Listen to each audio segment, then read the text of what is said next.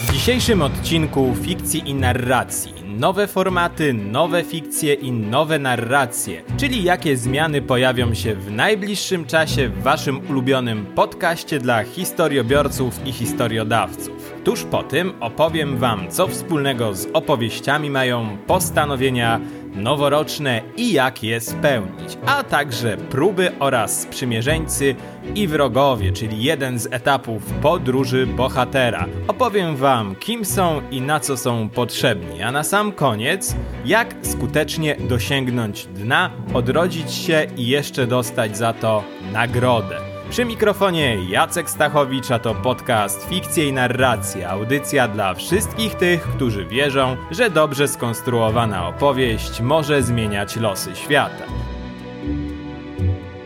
Drodzy słuchacze, drogie słuchaczki, choć o wiele bardziej podoba mi się sformułowanie podcasto odbiorcy. Już niebawem w fikcjach i narracjach sporo nowości. Po pierwsze, fikcje i narracje bez scenariusza, a więc jak już sama nazwa wskazuje, zdecydowanie swobodniejszy, luźniejszy format, bardziej o sprawach, że się tak wyrażę, bieżących. Oczywiście sprawach bieżących ze świata opowieści. Filmy, teatr, literatura i wszystko co wokół tego. Po drugie, pewne udogodnienie, bo fikcje i narracje znajdziecie także na YouTube. Jeśli ktoś z Was woli właśnie tam słuchać podcastów, to zapraszam serdecznie. Po trzecie, acz za nieco dłuższą chwilę, kolejny nowy format, w którym to uwaga, będą goście. I na razie nic nie powiem więcej. Czekajcie cierpliwie. No ale drodzy, to jeszcze nie wszystko, bo w fikcjach i narracjach pojawią się także krótkie słuchowiska. Śledźcie więc Facebooka, Instagram, a także stronę internetową. To oczywiście wszystko plan na co najmniej dekadę, ale do zrealizowania na pewno jeszcze w tym roku. I słuchajcie, żeby to mogło się udać, to do wykonania tego zadania jesteście potrzebni także i wy. Wasze zaangażowanie, wasze lajki, udostępnienia, polecenia, komentarze. Za wszystkie tego typu działania z całego serca dziękuję. Już przechodzę do tego, co dziś, e, czyli kontynuujemy naszą drogę bohatera. Kolejny odcinek serii, już trzeci. Wystarczy tego proszenia, przejdźmy do meritum. I tak, poprzednio w fikcjach i narracjach omówiliśmy sobie zwyczajny świat, czyli codzienną nudę i monotonię bohatera. Zew przygody, czyli ten etap, gdzie dzieje się coś, wobec czego bohater nie może pozostać obojętnym. Potem były wątpliwości, czyli też odmowa przygody, a więc coś, co powstrzymuje bohatera, by stać się tym zapamiętanym. Pomoże mu w tym stary mędrzec, tak zwany mentor, który niebawem odejdzie z tego świata, ale nim to się stanie, pomoże naszemu protagoniście wejść w przygodę, i sobie w niej całkiem nieźle radzić. I to właśnie na tym ostatnio skończyliśmy. To znaczy na tym, że nasz bohater dotarł już do nowego świata, przekroczył ten magiczny próg. No a tam czekają na niego przygody, próby i wyzwania. Słowem, dużo się dzieje. Jest to, co tygrysy lubią najbardziej, czyli akcja. A więc kolejny szósty etap podróży bohatera, który według Christophera Foglera to etap próby, w której to pojawiają się także sprzymierzeńcy i wrogowie. I teraz tak, jeśli kiedykolwiek spisaliście listę postanowień na nowy rok, ja przyznam wam się szczerze, że czyniłem to niejednokrotnie, to porównując to działanie do struktury opowieści, był to pierwszy akt. Żyliście, a właściwie żyliśmy, bo tak jak ja wspominałem, też robiłem takie listy w jakimś takim spokojnym e, świecie. Normalnie sobie funkcjonowaliśmy w tym grudniu, aż nastał w końcu ostatni dzień tegoż wspaniałego miesiąca. No i pojawił się zew przygody, czyli presja otoczenia nakazała nam wprowadzić jakieś zmiany w życiu od nowego roku. I choć właściwie wiemy, że zwykle takie działanie ma naprawdę niewielki sens, a może nie tyle, co takie samo w sobie działanie ma niewielki sens, ale robienie jakichś takich postanowień o tej porze roku, no ale jakiś wewnętrzny głos, głos wewnętrznego krytyka kazał nam to zrobić. No i 1 stycznia, no dobrze, niech będzie, że 2 stycznia budzimy się już w nowym świecie, a w naszych telefonach jest aplikacja do liczenia kalorii, konto bankowe stało się chudsze o wartość karnetu na basen, czy też może na półce zagościła książka do nauki japońskiego. Takie oto mamy trzy wielkie postanowienia. No a teraz mamy drugą fazę, w której to rzeczywistość nas zweryfikuje. Czy trzymamy dietę, czy regularnie się czegoś uczymy, czy chodzimy na basen. Podobnie jest weryfikowany bohater opowieści. On też jest poddawany rozlicznym próbom. Są to tak naprawdę przeszkody, które musi przejść, by osiągnąć swój cel. Co do zasady, nie powinny to być jeszcze próby życia lub śmierci, czy raczej lepiej byłoby powiedzieć próby ostateczne, choć pewnie w questie, o którym wam mówiłem, bohater ciągle wymyka się śmiertelnym pułapkom, ale powiedzmy sobie, że to taki wyjątek. Bohaterowi, bohaterowi towarzyszą tu sprzymierzeńcy, pomocnicy. Bywa tak, że jest to jedna osoba, jest jeden sprzymierzeniec i mamy sobie oto taki duet. Bywa często, że ten towarzysz głównego bohatera to postać komiczna. Chodzi o to, by odciążyć nieco widza, zwłaszcza jeśli tematy do przerobienia są trudne. No to przykładowo wiecie, taki osioł, Jesse Pinkman czy Jaskier z Wiedźmina. Taka postać też już o czym wam mówiłem jest lustrem, sposobem by w dialogu wypowiedzieć myśli głównego bohatera. Gdyby to była narracja z tak zwanym multiprotagonistą, czyli tam gdzie mamy grupę gdzieś idącą, zmierzającą, no to mówi się tak, że ta grupa to jest tak naprawdę jeden bohater, a te inne postacie symbolizują jego jakieś tam różne oblicza, że jest to wiele wersji tego samego bohatera. Tak to ponoć działa i chyba tak zdaje się, że jest, jak się takie rzeczy ogląda, to bardzo to wyraźnie widać. Mamy sprzymierzeńców, no tak, to się zgadza, ale są także i wrogowie. Zdarza się, że pojawia się jakiś e, rywal, który także pretenduje no, do tego, by osiągnąć jakiś taki sam cel, do tego, by zdobyć to samo, tak? Jeśli mamy na przykład jakiś film sportowy, to będzie to być może dosłownie rozumiany przeciwnik, tak jak w Rokim. Ja na przykład też ostatnio wróciłem do Pokémonów, do tego majstersztyku pomysłu wartego wiele, wiele milionów, który jest dostępny na Netflixie i nie wiem, czy pamiętacie, jeżeli jesteście gdzieś mniej więcej z mojego pokolenia, no to tam jest taka postać jak Gary Oak i to jest taki też trener Pokémonów, który podobnie jak nasz główny bohater Ash chce zostać mistrzem. No i ilekroć właśnie Ash się z nim spotyka, to, to ten Gary go czymś zawstydza, a to ma więcej Pokémonów albo odznak. No on powoduje, że nasz bohater motywuje się do działania, i z pewnością naszym postanowieniom noworocznym może towarzyszyć też ktoś, kto nie wiem, już schudło, opanował podstawy japońskiej gramatyki. Warto o kimś takim pomyśleć, a może do tego chodzenia na basen można też znaleźć sobie jakiegoś sprzymierzeńca. To też zawsze w takich postanowieniach noworocznych może nam pomóc. Zawsze jest lepiej na basen czy na siłownię chodzić w duecie. Na tym etapie także to samo życie będzie weryfikowało bohatera, czy dobrze opanował to, czego nauczył go mentor. To przede wszystkim, czy posiadł te umiejętności, które powinien mieć. Jeżeli więc jest to jakiś rycerz, no to pewnie będzie miał jakieś potyczki. Jeżeli to będzie alkoholik wychodzący z nałogu, no to będzie sprawdzany tutaj, czy potrafi odmawiać, czy opanował sztukę odmawiania. I tu właściwie możecie wpisać sobie każdego bohatera i poddawać go próbom, sprawdzać, weryfikować. On także będzie tutaj odkrywał jakieś swoje nowe cechy, nowe umiejętności, będzie się zmieniał, dojrzewał na naszych oczach, tak? Zwłaszcza jeżeli będą to takie filmy, gdzie bohater przechodzi jakąś czy metaforyczną, czy nawet dosłowną inicjację, to coś takiego tutaj na pewno zobaczymy. I jest coś jeszcze ciekawego na tym etapie, coś może trochę mniej oczywistego, o czym to Fogler wspomina w swej książce. To jest o czymś takim jak wodopój. Słowem, nasi pra, pra dziadkowie, gdy eksplorowali nowe tereny, to po przejściu do nowego świata, czy no nie wiem, dotarli, jakby to ująć najprościej, gdzieś indziej, gdzie jeszcze ich nie było, no to szukali miejsca wytchnienia, ale także i tego miejsca, gdzie kierowała się zwierzyna. No był to oczywiście wodopój, tak? Nasz, e, nasz bohater po przekroczeniu pierwszego progu, e, po pierwszych próbach zaczyna czuć się zmęczony. Tak jak dokładnie było to z tymi pierwotnymi, tak? No a jak tak się czuje, no to idzie e, odpoczywać. Przy czym ten nasz współczesny wodopój, no to już nie jest jakieś źródło wody, rzeka, jezioro, tylko bardzo często no, pojawia się, że to jest po prostu bar. Bar, w którym nasz bohater może spotkać e, i sprzymierzeńców, e, i wrogów, i jestem już niemal przekonany, że jak usłyszeliście to hasło, no to na pewno wyświetliły wam się już te wszystkie sceny z filmów, e, z barów, gdzie bardzo jakieś takie ważne rzeczy się dla naszych bohaterów działy.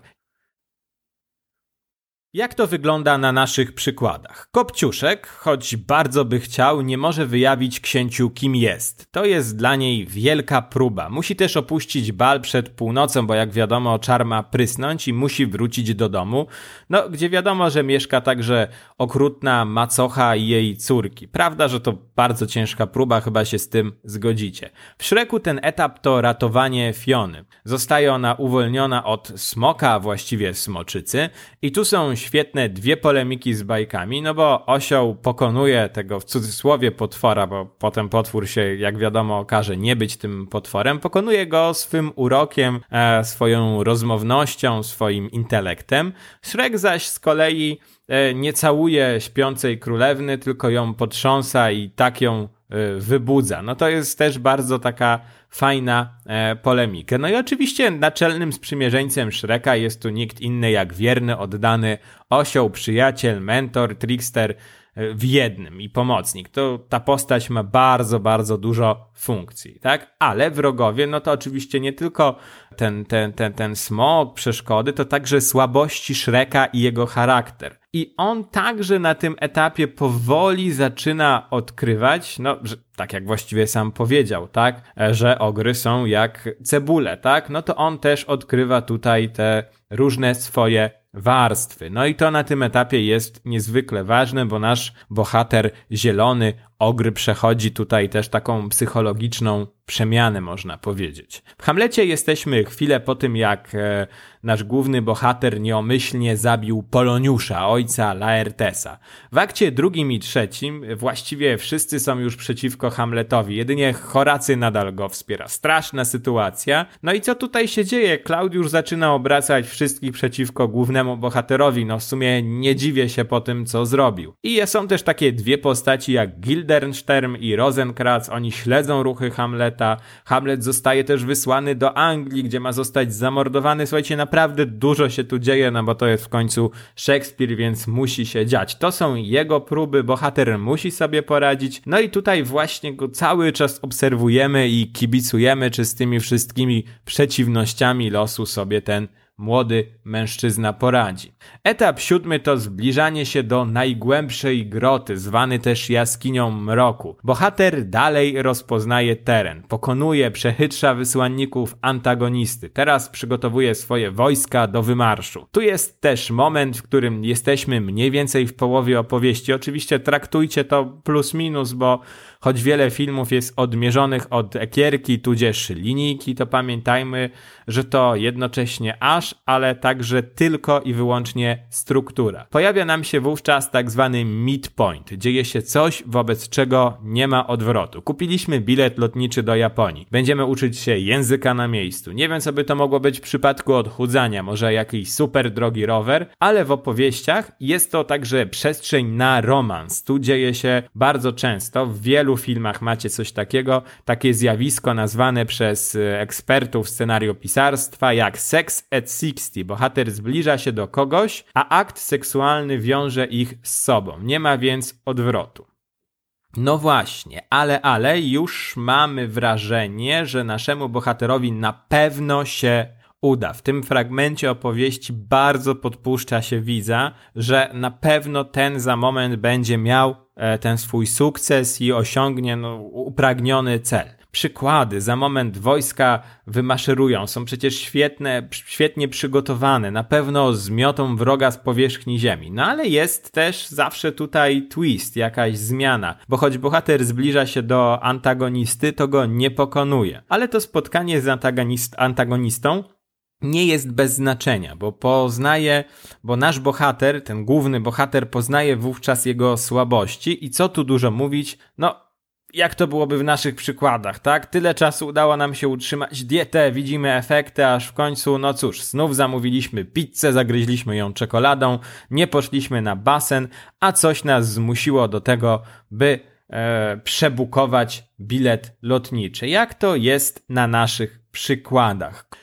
Kopciuszek otrzymał wszystko co najlepsze od wróżki mentorki. Przyszedł, można rzec, świetnie przygotowany i sprawił, że książę spośród wielu pięknych dam poprosił właśnie ją do tańca i to w niej się zakochał. No, ale wybiła dwunasta. Zgubił pantofelek i na następny dzień przygląda się temu, jak córki jej macochy przymierzają buty, a jej nikt nie daje szansy. No to jest właśnie ten najgorszy moment, bo już nam się wydawało, że jest bardzo blisko, już była, była w ramieniach księcia, a tu nawet nikt nie pozwala jej tego bucika przymierzyć.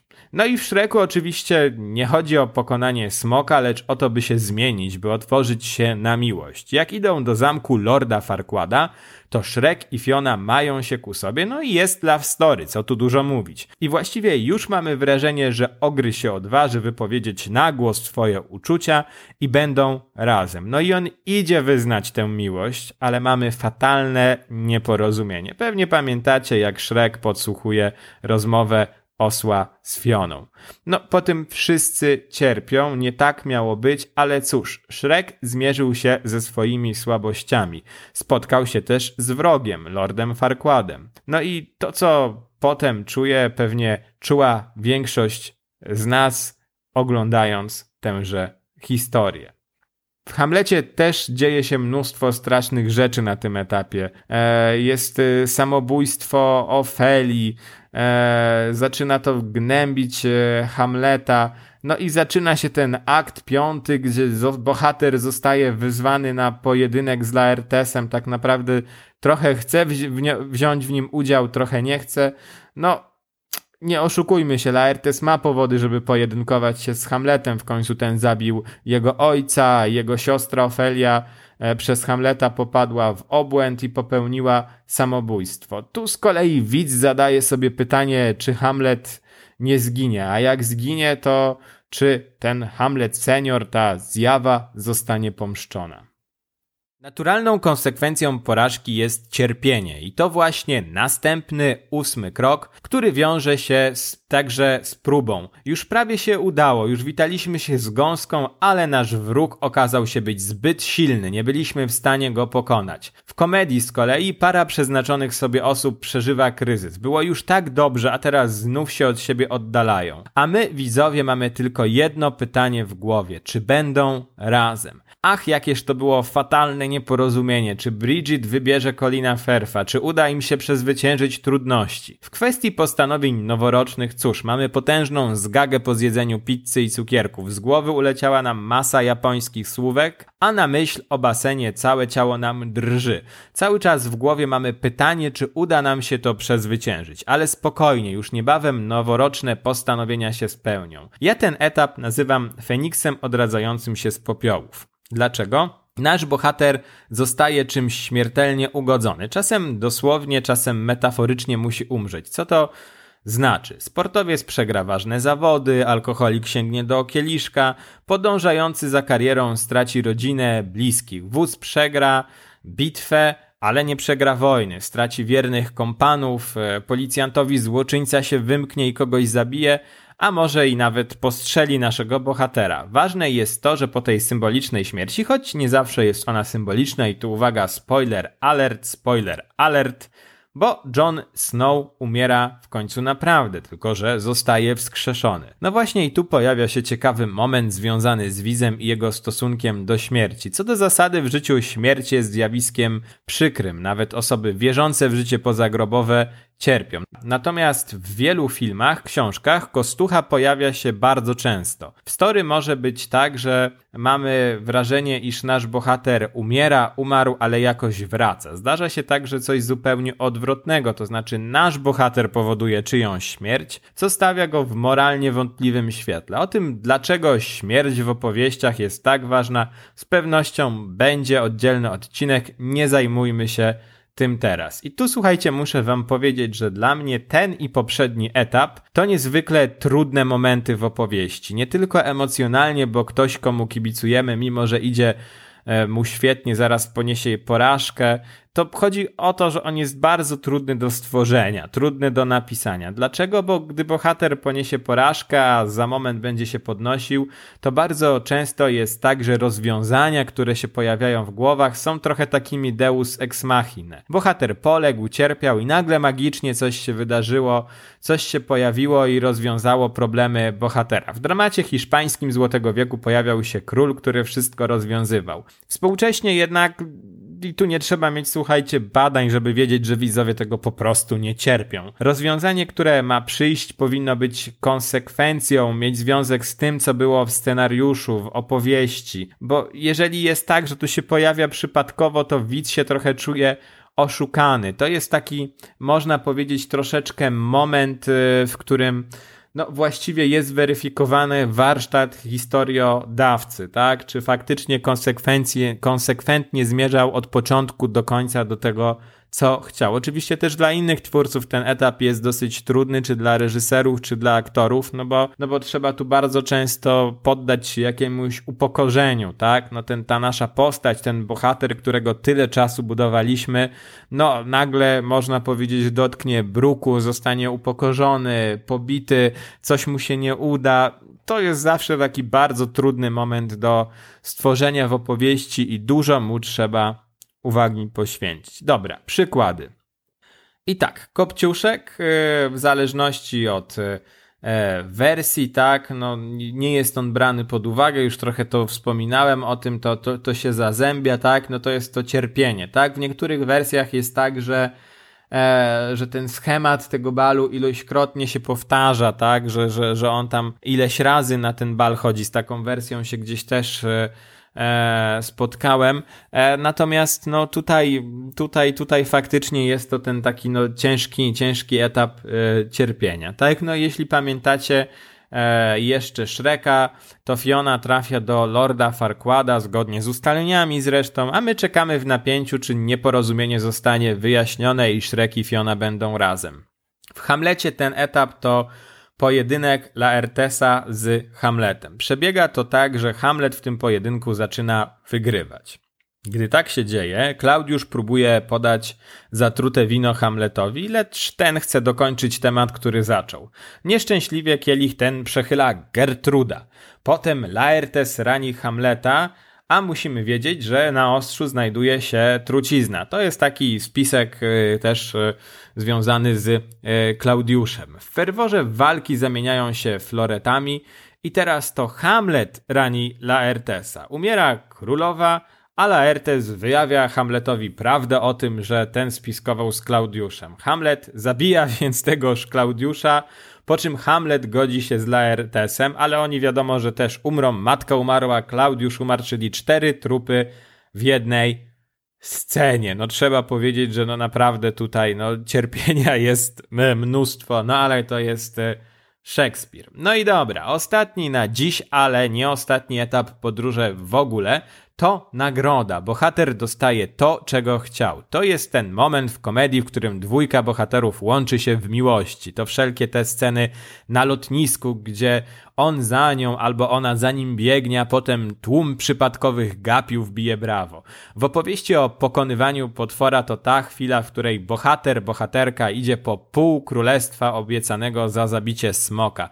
To ten moment, w którym Pucybut odpowiada na pytanie e, za milion lub pokonuje jakieś zło i cieszy się majątkiem. To także powrót z podróży do domu bezpiecznego, gdzie wracamy bogatsi o jakąś wiedzę. Gdybyśmy zrobili film o postanowieniu noworocznym, to nasz bohater po obżarstwie miałby pewnie film, jakąś taką sekwencję montażową, w której ćwiczy, trzyma dietę, chodzi na basen, zrzuca kalorie, jeszcze wylatuje e, do Japonii i ma wielki swój e, sukces, bo piękny, szczupły, mówi po japońsku i to jeszcze w Japonii.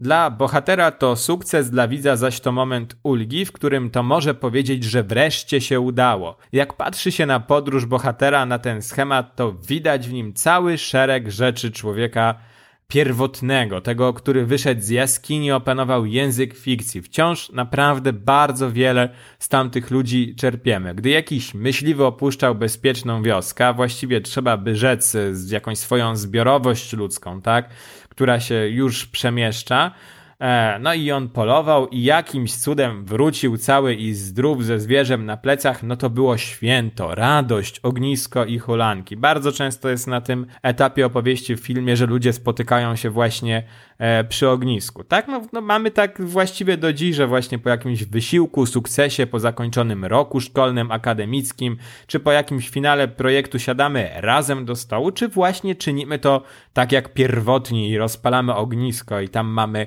swoje święto. No, ileż to razy byliśmy na jakimś takim ognisku po tym, jak coś się udało, coś udało się zakończyć. No, co tu dużo mówić. Kopciuszek, cóż, jego nagrodą jest książę, Szrek, miłość Fiony, ten pocałunek, ten słynny obrazek scena.